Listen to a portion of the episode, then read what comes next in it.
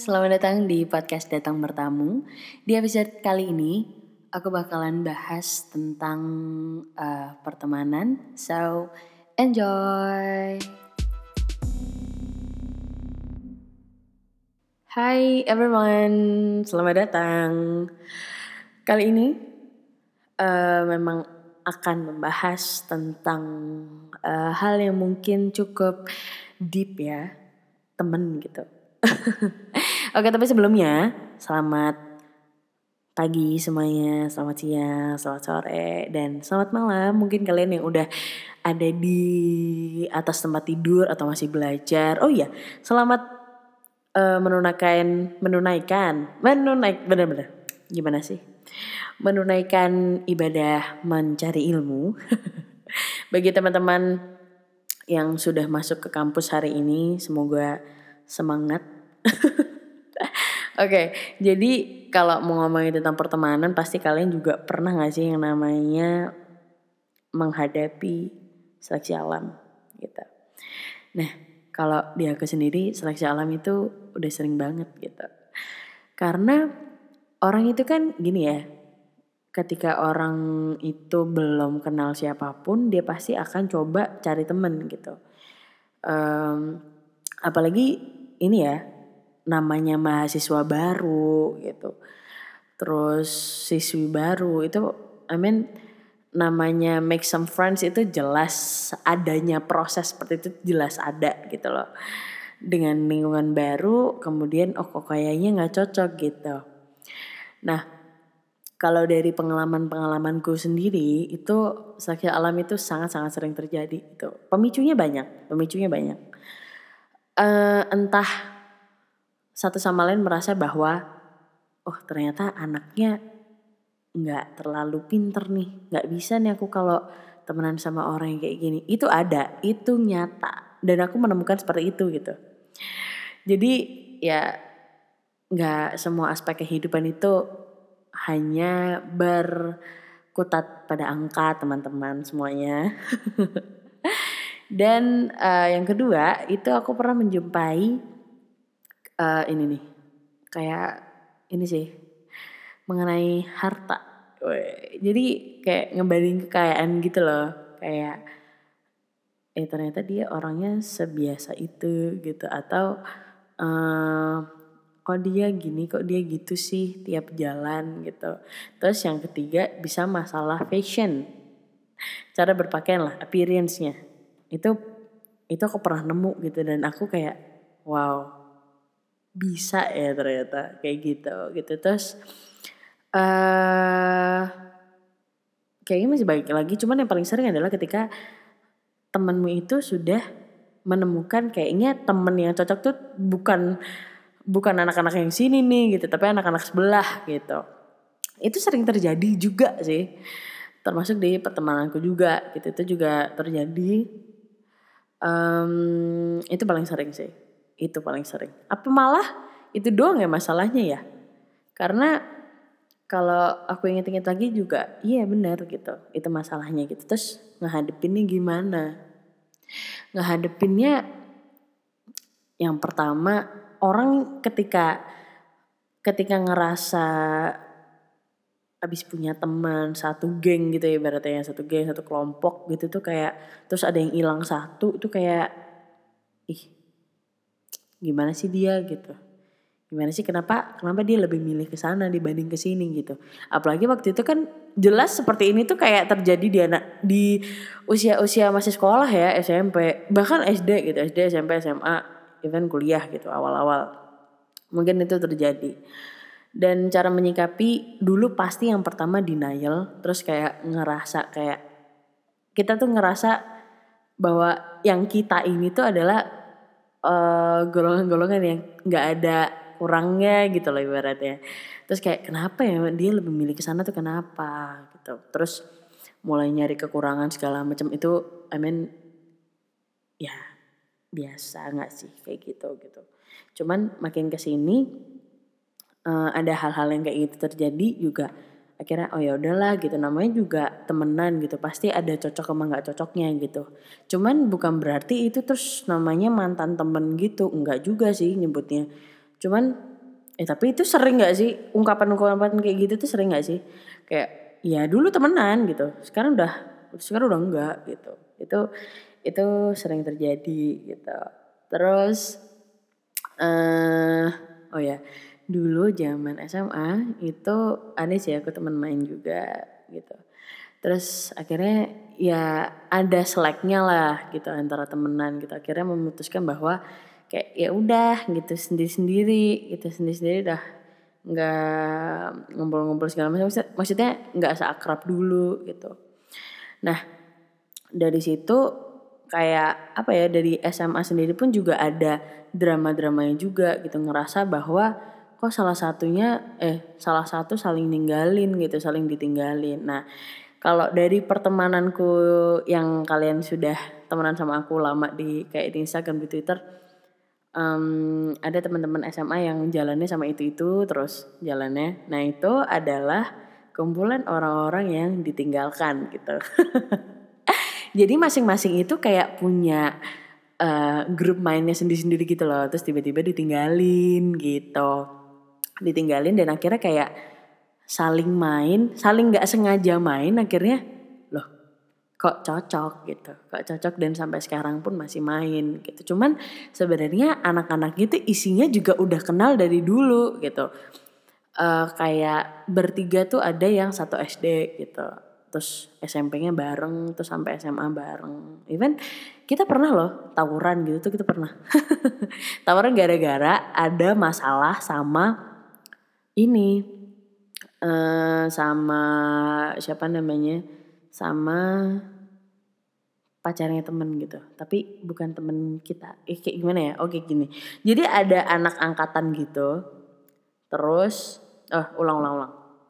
Jadi kayak uh, ada nih temen gitu antar kelas. Dia cuma minjem buku dia cuma minjem buku abis minjem buku terus kayak ya udahlah kayak aku tuh ya aku sih sebenarnya itu salah kayaknya tapi menurutku itu gak salah gitu. Oke, ini denial. Jadi kayak ngerekam kayak cie gitu. Kayak elah anak sekolah biasa gimana sih kayak gitu. Terus habis itu ternyata itu cewek punya pacar gitu. Punya pacar dan saat itu diciein jelas cewek cowok kan yang temen gue yang cowok gitu. Terus habis itu kita ciein ternyata si pacarnya temen yang cewek itu nggak terima gitu. Kenapa sih harus pakai pakai kayak gitu gitu. Sedangkan yang diserang adalah yang in frame, bukan yang behind the lensnya, bukan aku gitu. Tapi yang in frame itu diserang, ibaratnya kayak ayo ketemu gitu. Kita selesaiin gini-gini. Dan itu cewek-cewek ketemu sama satu cowok gitu. Kita di kita ditantang untuk berantem saat itu kayak ya udah coy. Nggak nggak berantem sih. Sorry ibu kepala sekolah dan ibu BK segala macem. Kami pernah berantem tapi di luar sekolah jadi jadi uh, hal itu juga itu sangat sangat melekat ya di kepala. Itu nggak mungkin lupa karena itu kocak banget gitu. Dan uh, uh, saat itu juga berberapa sih? Akhirnya ngedeket eh akhirnya ketemuan gitu di tempat itu. Dan ngerasa bahwa eh kita tuh nggak salah kayak udahlah kita berangkatin aja orang orang kayak gini doang gitu.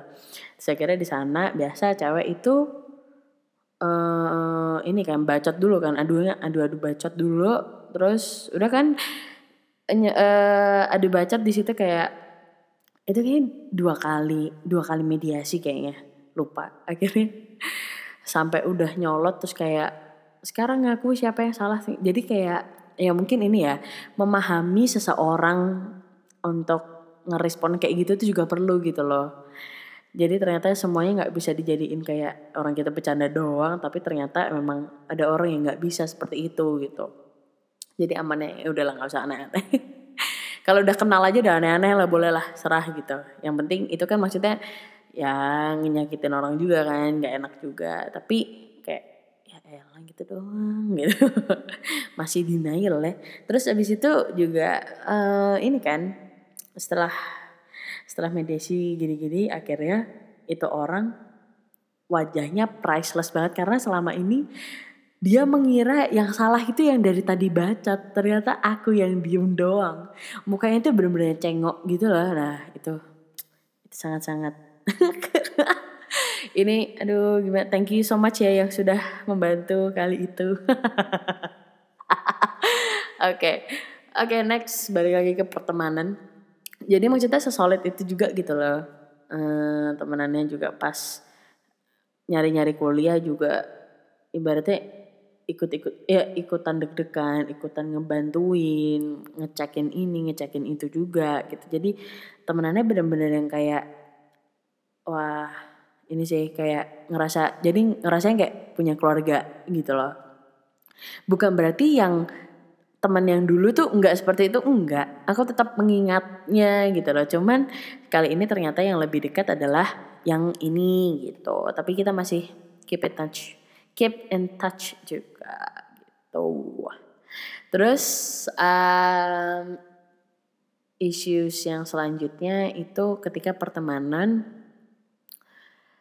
uh, itu cukup diinterupsi dengan adanya hubungan apa ya kayak temenmu punya pacar gitu. Itu itu kayak bisa merenggangkan pertemanan juga gak sih? Kayak misalnya biasanya cowok-cowok sih kayak kok lu jadi sibuk banget sih semenjak punya cewek? Gitu. Kok lu jadi gini gitu gitu gitu gitu. Uh, karena memang kadang cewek itu juga kurang bisa ngertiin juga nggak sih? Aku sebagai cewek ya kadang kadang kadang kadang kadang teman-teman wanitaku kadang kayak ngerasa kayak aku tuh lagi pengen sama kamu gitu loh mbak. Udah sama teman tuh ntar ntar aja. Kadang begitu kan teman-teman. Tapi nggak menutup kemungkinan juga kita tuh juga ngertiin kalian cowok-cowok gitu. Kita ngertiin kalian juga ketika kalian butuh main kalian butuh temen juga ya udahlah main aja sok gitu. Uh, tapi memang ternyata itu tuh jadi masalah juga ya ternyata di pertemanan gitu. Uh, sering jalan terus kayak lupa sama temen-temennya lupa main lupa nongkrong sampai nongkrong tuh absen terus kan juga nggak enak gitu. Nah sebagai uh, manusia ya sebagai manusia kayak ya udahlah ayo saling memahami mengerti kapan dia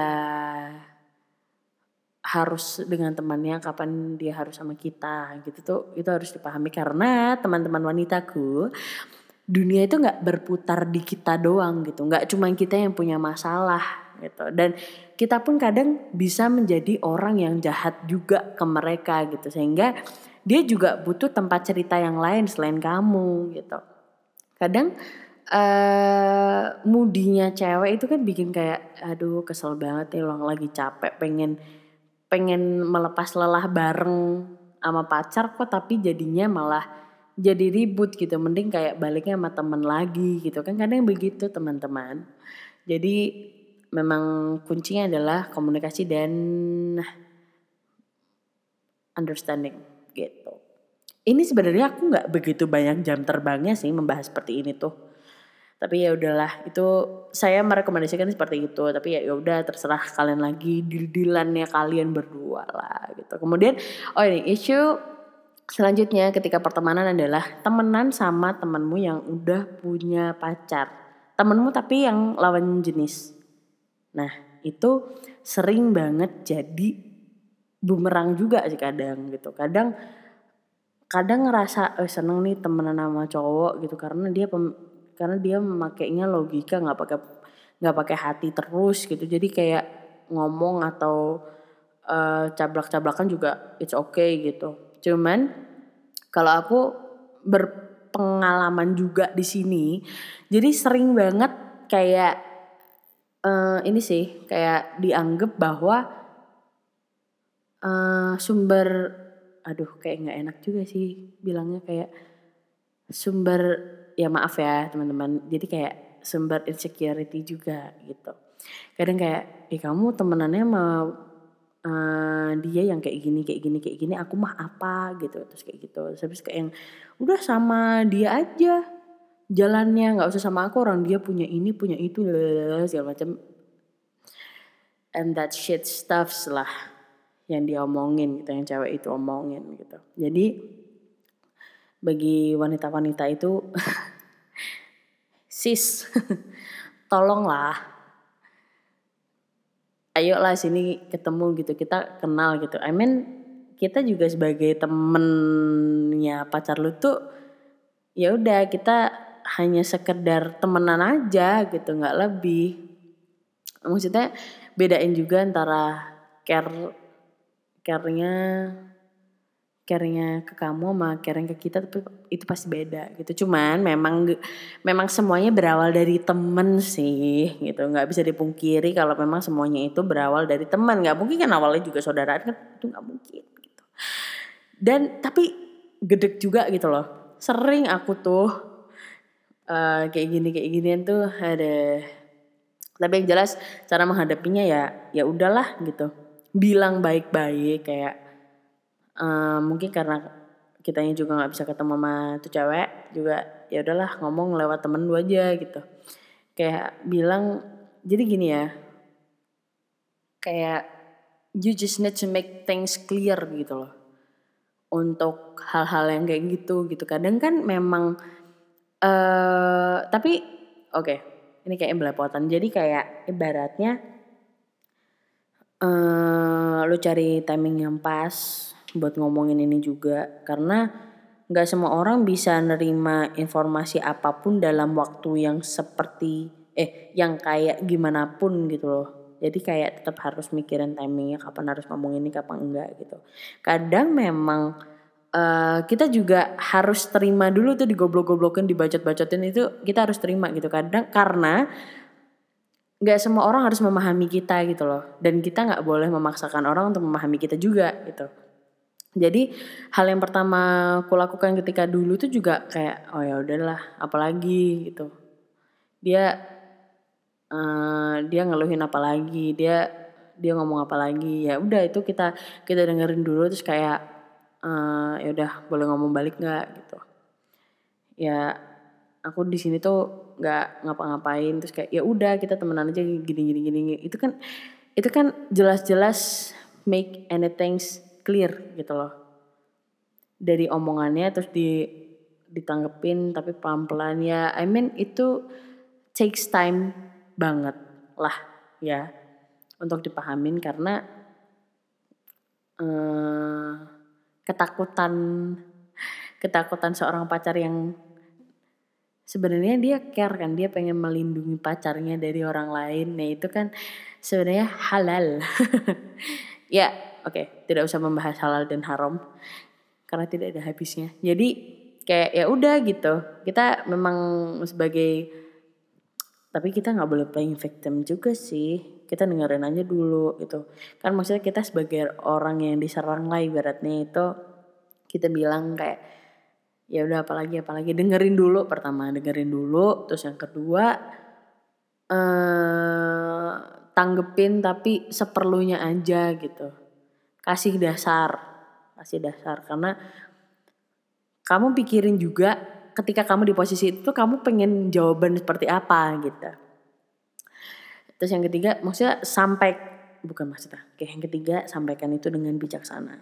Nggak perlu emosi tapi kalau misalnya kalian lagi emosi oke okay, deng cukup dengerin dulu muring-muring dulu silahkan. Terus habis itu the next day you may speak terus kayak ya udah speak up aja. Gitu. Terus isu yang selanjutnya adalah ketika temen lo tuh ngerasa wah lo tuh nggak baik gitu. Kayak harus ditinggalin. Tapi memang sebenarnya kalau dulu dibilang eh jangan pilih-pilih temen lo tapi temenan itu memang harus milih teman-teman. Karena lihat zamannya udah makin gila kalau nggak milih temen dah udahlah. Udahlah udahlah udahlah. Kayak mau dibawa ke mana gitu loh. Diri kita ini tuh mau dibawa ke mana gitu. Jadi memang tetap harus milih tetap harus milih gitu. Terus pernah juga dengerin ngobamnya Gofar sama Ari Lasso itu untuk uh, ketika ini ya ada drug abuse. Itu tuh memang kunci satu-satunya apalagi yang ini ya yang komplotannya emang make emang pakai itu tuh emang bener-bener harus ditinggalkan. Even itu temen dekatmu banget gitu itu memang harus ditinggalkan katanya seperti itu karena itu adalah kunci. Seperti itu. Terus abis itu uh, isu pertemanan selanjutnya itu apa ya? Kayak ini aja sih uh, kayak uh, pengen nyobain nih misalnya misal. Pengen nyobain hal-hal yang berbau haram. Anything anything anything yang haram-haram itu. Um, ketika lo diajak sama temen kayak lo bener-bener pertimbangin bener-bener pertimbangin antara kalau misalnya iya efeknya tuh apa sih gitu. Efeknya tuh ini itu ini itu ini itu. Pertimbangin. Maksudnya pertimbangannya kalau memang masalah kesehatan kadang nggak kelihatan juga ya. Kayak misalnya gue ngerokok dari dulu juga nggak apa-apa. Minum dari dulu juga nggak apa-apa. Aman-aman aja. Gitu sakitnya paling cuma masuk angin segala eh, those kind of thing gitu tapi ketika lo berani nyoba dan lo berani mengulang itu lagi jadilah pribadi yang tanggung jawab gitu. Tanggung jawab di pergaulan ya. Tanggung jawab di pergaulan terus ngelakuin apa pun dasarnya juga harus dengan tanggung jawab gitu. Jangan karena bener-bener yang coba-coba tapi nggak dipikir gitu loh. Nah itu tuh itu bahaya sih. Oke. Okay. Aku tahu hal ini karena ya bukan nyobain sendiri juga sih, tapi kayak ya banyak yang bertukar cerita gitu jadi ngerti ngerti lah dikit-dikit gitu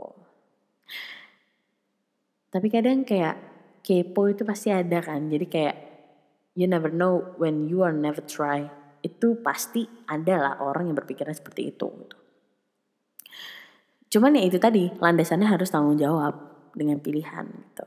Itu ketika lo berani tanggung jawab dengan diri lo sendiri mau temenannya kayak apa mau temenmu itu modelannya kayak aneh-aneh lah ibaratnya kamu tuh udah ada jati diri gitu.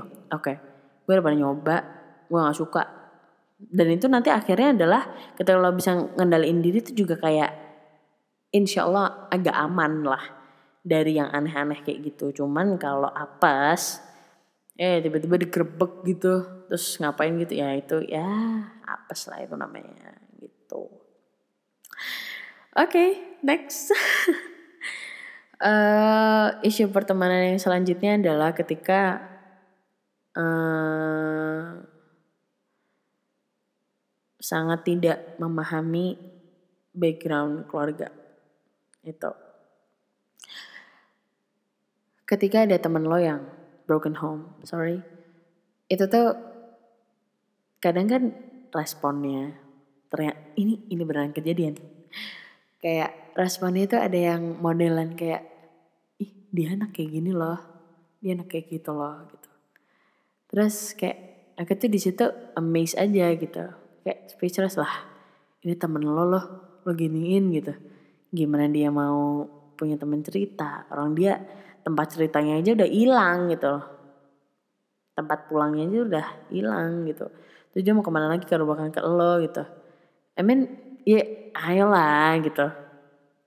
Kan kita juga jadi gini teman-teman jadi kan udah umur segini kalau misalnya masih masih bersikap seperti itu kan kayak ya? Sangat-sangat tidak baik ya.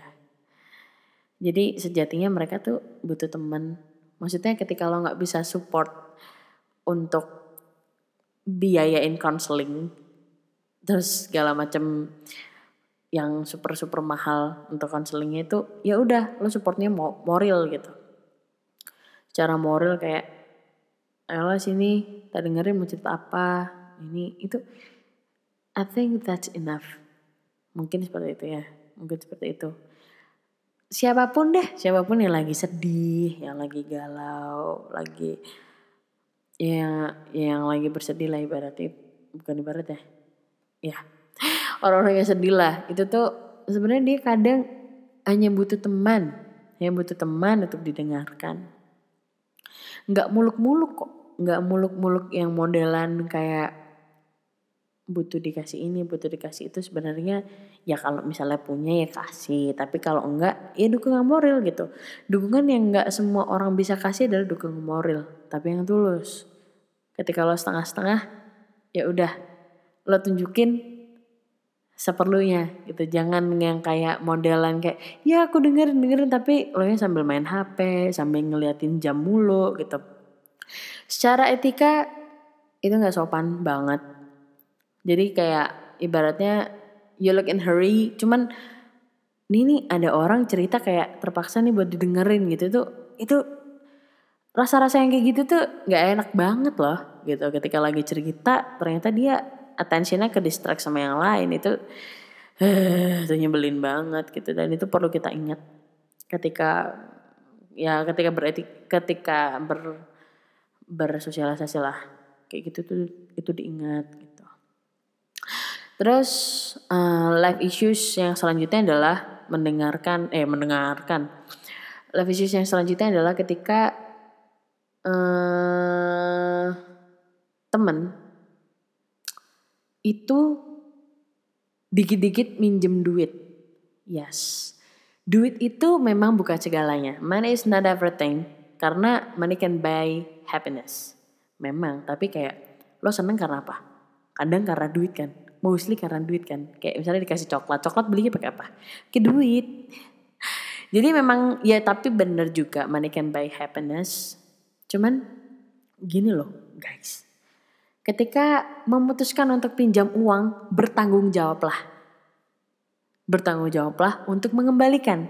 Karena kamu bilangnya adalah pinjem bukan minta. Gitu. Karena beneran loh ini tuh uh, perduitan duniawi ini tuh bener-bener yang bisa merusak pertemanan banget gitu. Merasa bahwa um, ah orang teman sendiri gitu.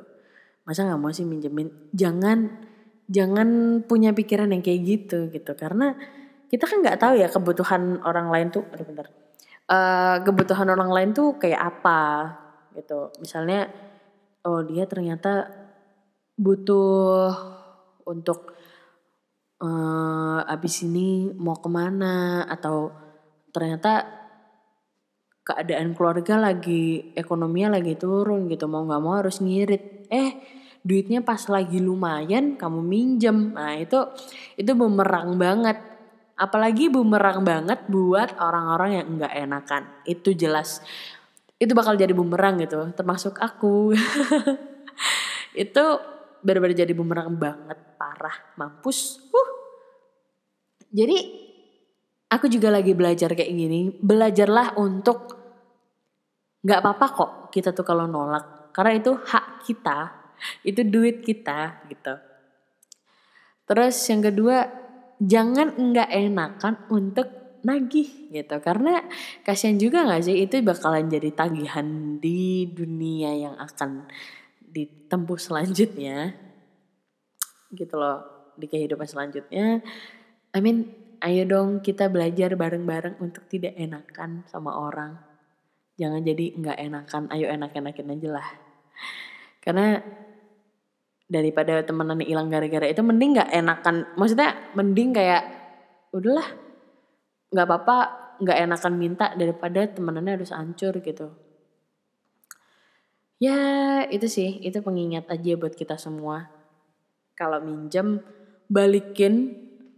Tapi kalau misalnya orang itu kayak udahlah bawa aja bawa aja. Sebisa mungkin tetap diganti. Masukin dompetnya kayak atau apa kayak segala macam itu tetap diganti. Karena itu tuh keadaan pas dia banyak duit aja. Makanya dia kayak nggak usah nggak usah nggak usah nggak usah. Tapi ketika dia nggak punya duit it means a lot gitu itu itu adab sih itu adab gitu. Terus ketika kalian minjem duit selain bertanggung jawab kalian jangan maksa gitu. Jangan maksa ketika orang itu nggak orang itu ngarahnya kayak nggak bakal ngasih tuh udahlah nggak apa-apa gitu. Udah nggak apa-apa. Oh berarti dia memang nggak mau ngasih nih karena ini karena ini. Jangan mikir kalau dia jahat nggak mau ngasih gitu. Karena kalau aku sendiri tuh punya pikiran bahwa jangan mengusik ketika kamu nggak mau diusik gitu. Jangan minjem ketika kamu nggak mau dipinjemin. Gitu. Cuman aku tuh tipikalnya adalah orang yang minjemin tapi harus yang deket banget. Harus yang deket banget karena ya enak enak nggak enakan kan aku yang mikir kan. Nah itu nah itu sih. Itu itu aku begitu gitu. Jadi selalu kalian uh, gimana lah manage-nya gitu terus um, selain maksa tadi jangan kayak dikejar-kejar gitu dong. Jadi kayak malah uh, ya minjem malah lebih serem daripada yang nagih. Itu tuh itu serem abis sih mampus. Terus sampai kalau misalnya ada orang juga yang mau uh, apa sih kayak gimana caranya biar dapat duit itu juga ya jangan seperti itu gitu loh. Uh, tapi ya balik cerita ke orang tua sih. Kalau aku sih gitu. Kalau misalnya lebih baik lebih baik ngeribetin orang tua daripada ke teman gitu. Karena tempat pulang kita kan orang tua ya. Maksudnya kalau kalau sampai benar-benar kepaksa takut banget minta ke orang tua ya aduh gimana ya? Kalau gitu sih bingung juga dilema juga. Tapi kalau aku mikir tuh lebih baik ngeribetin orang tua dibanding ngeribetin orang lain ibaratnya kan baliknya apa pun kita tuh ke keluarga kan jadi ya seperti itu gitu. Terus apa ya temenan yang paling sering ngancurin tuh selain duit eh oh duit minjem gitu kalau pas patungan. Biasanya sih ini berlaku ketika ngadain surprise ya ngadain surprise ulang tahun patungan nih semuanya. Dia doang nggak bayar. Nah itu itu bisa jadi masalah. Dan ketika itu terjadi berulang repetitif kayak gitu. Jadi kan dia punya track record yang jelek ya. Ibaratnya kayak mau ngeklaim asuransi. Nah itu pasti ada track record tentang uh, finance-nya juga. Itu pasti ada track recordnya. Dan itu ya sama gitu loh orang dia nggak pernah balikin duit kita semua udahlah nggak usah diajak. Akhirnya begitu akhirnya you lost a friend. Karena gituan gitu. Karena males gak sih orang kayak uh, apa namanya nalangin dulu apa sih namanya bahasa Indonesia nya uh, ngekompensasi lah ngekompensasi duit yang harusnya nggak keluar jadi keluar gitu. Itu kan males banget gitu. Jadi tetap harus mengerti kebutuhan orang lain dan kebutuhanmu diri sendiri. Ketika ketika kamu dikasih uang sangu segitu ya udah ya udah segitu tuh di manage gimana caranya hidupnya dengan itu. Ketika memang butuh ekstra untuk uh, apa pun di kuliah tiba-tiba kebutuhan mendadak tiba-tiba sakit segala macam omongin sama orang tua. Ketika keadaannya kayak gini gimana? Tapi kalau terpaksanya dengan hanya, uh, hanya dengan duit itu doang kita bertahan ya sudah gitu. Ya sudah itu gimana caranya lah kita hidup gitu. Ya kadang tuh soalnya ini ya Allah tuh ngasih rezeki tuh nggak tanggung-tanggung. Tiba-tiba di kantong nemu duit seratus ribu tiba-tiba apalah dapat ini terus siapa tahu dapat kayak kejuaraan terus dapat duit kan itu bisa aja kan gitu. Jadi kalau misalnya kayak gitu ya yuklah kita pikirin lagi lah bagusnya gimana gitu. Terus ini itu kan pinjem duit ya terus pinjem barang. Nah ketika pinjem barang ini sih ini ya uh, adabnya adalah ketika kamu pinjem barang misalnya kendaraan ya kamu pinjem motor pinjem mobil tuh cara mengembalikannya biasanya adalah isiin aja bensinnya gitu isiin bensinnya jaga jangan sampai itu baret lecet jatuh. Kecuali is an accident ya mau gimana lagi gitu. Itu yang pertama. Terus yang kedua ketika pinjem barang kayak baju terus pinjem apa pun itu tas segala macam balikinnya dengan keadaan bersih dan kalau bisa sih kalau aku sih modelannya kayak ya udah kita laundryin sekalian balik tuh udah bersih kayak makasih ya gitu terus kalau misalnya lo pakai jasa temen gitu pakai jasa temen bisa kasih duit bisa kasih traktir kayak yuk abis ini makan yuk on me gitu itu adalah bukti balas budi yang sangat-sangat apa ya sangat-sangat inilah lumrah dan itu memang harus seperti itu gitu. Aku mikirnya kayak gitu sih. Karena kami itu harus bisa menggantikan waktu yang dia pakai gitu atau kayak kalau misalnya jasa ya, misalnya kayak ih bantuin ini dong rekamin ini gitu. Ya udah. Kan dia bakalan nemenin kamu tuh di situ tuh gitu. Nemenin kamu di situ dan dia harusnya dengan interval waktu yang segitu durasi seperti eh durasi segitu lamanya itu dia bisa ngapa-ngapain aja mungkin dia bisa nyelesain skripsinya dia bisa ini bisa ini itu kan maksudnya priceless ya time time is priceless gitu. Dan ya udah kita karena kita nggak bisa nuker waktunya kita tuker pakai yang lain gitu. Itu adab aja sih gitu. Ketika kamu pinjam meminjam tuh alangkah baiknya kayak gitu gitu deh. Terus apa lagi ya? Um, oh ini sih temenan yang paling sering tuh jangan modelan yang cepet iri gitu cepet iri itu ayolah jadi ibaratnya gini ya menurutku iri dan iri dan memuji itu sebenarnya tipis banget bedanya. Misalnya gini, ini ya anak SMA sekarang eh, keren-keren banget bawaannya. Nah, coba kalau di situ kayak itu adalah bentuk kayak wah bagus-bagus ya bawaannya gitu.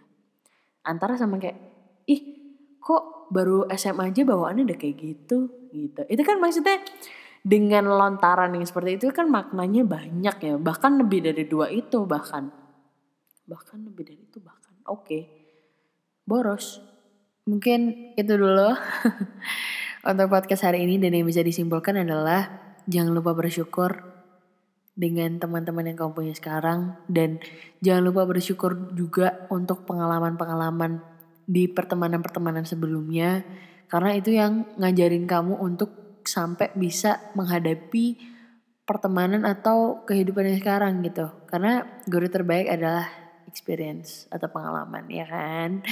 Dan um, buat teman-teman semua, teman-teman semua, oke, okay. ya udahlah ya. Itu jangan pernah takut untuk mencari teman, kenal dengan orang baru.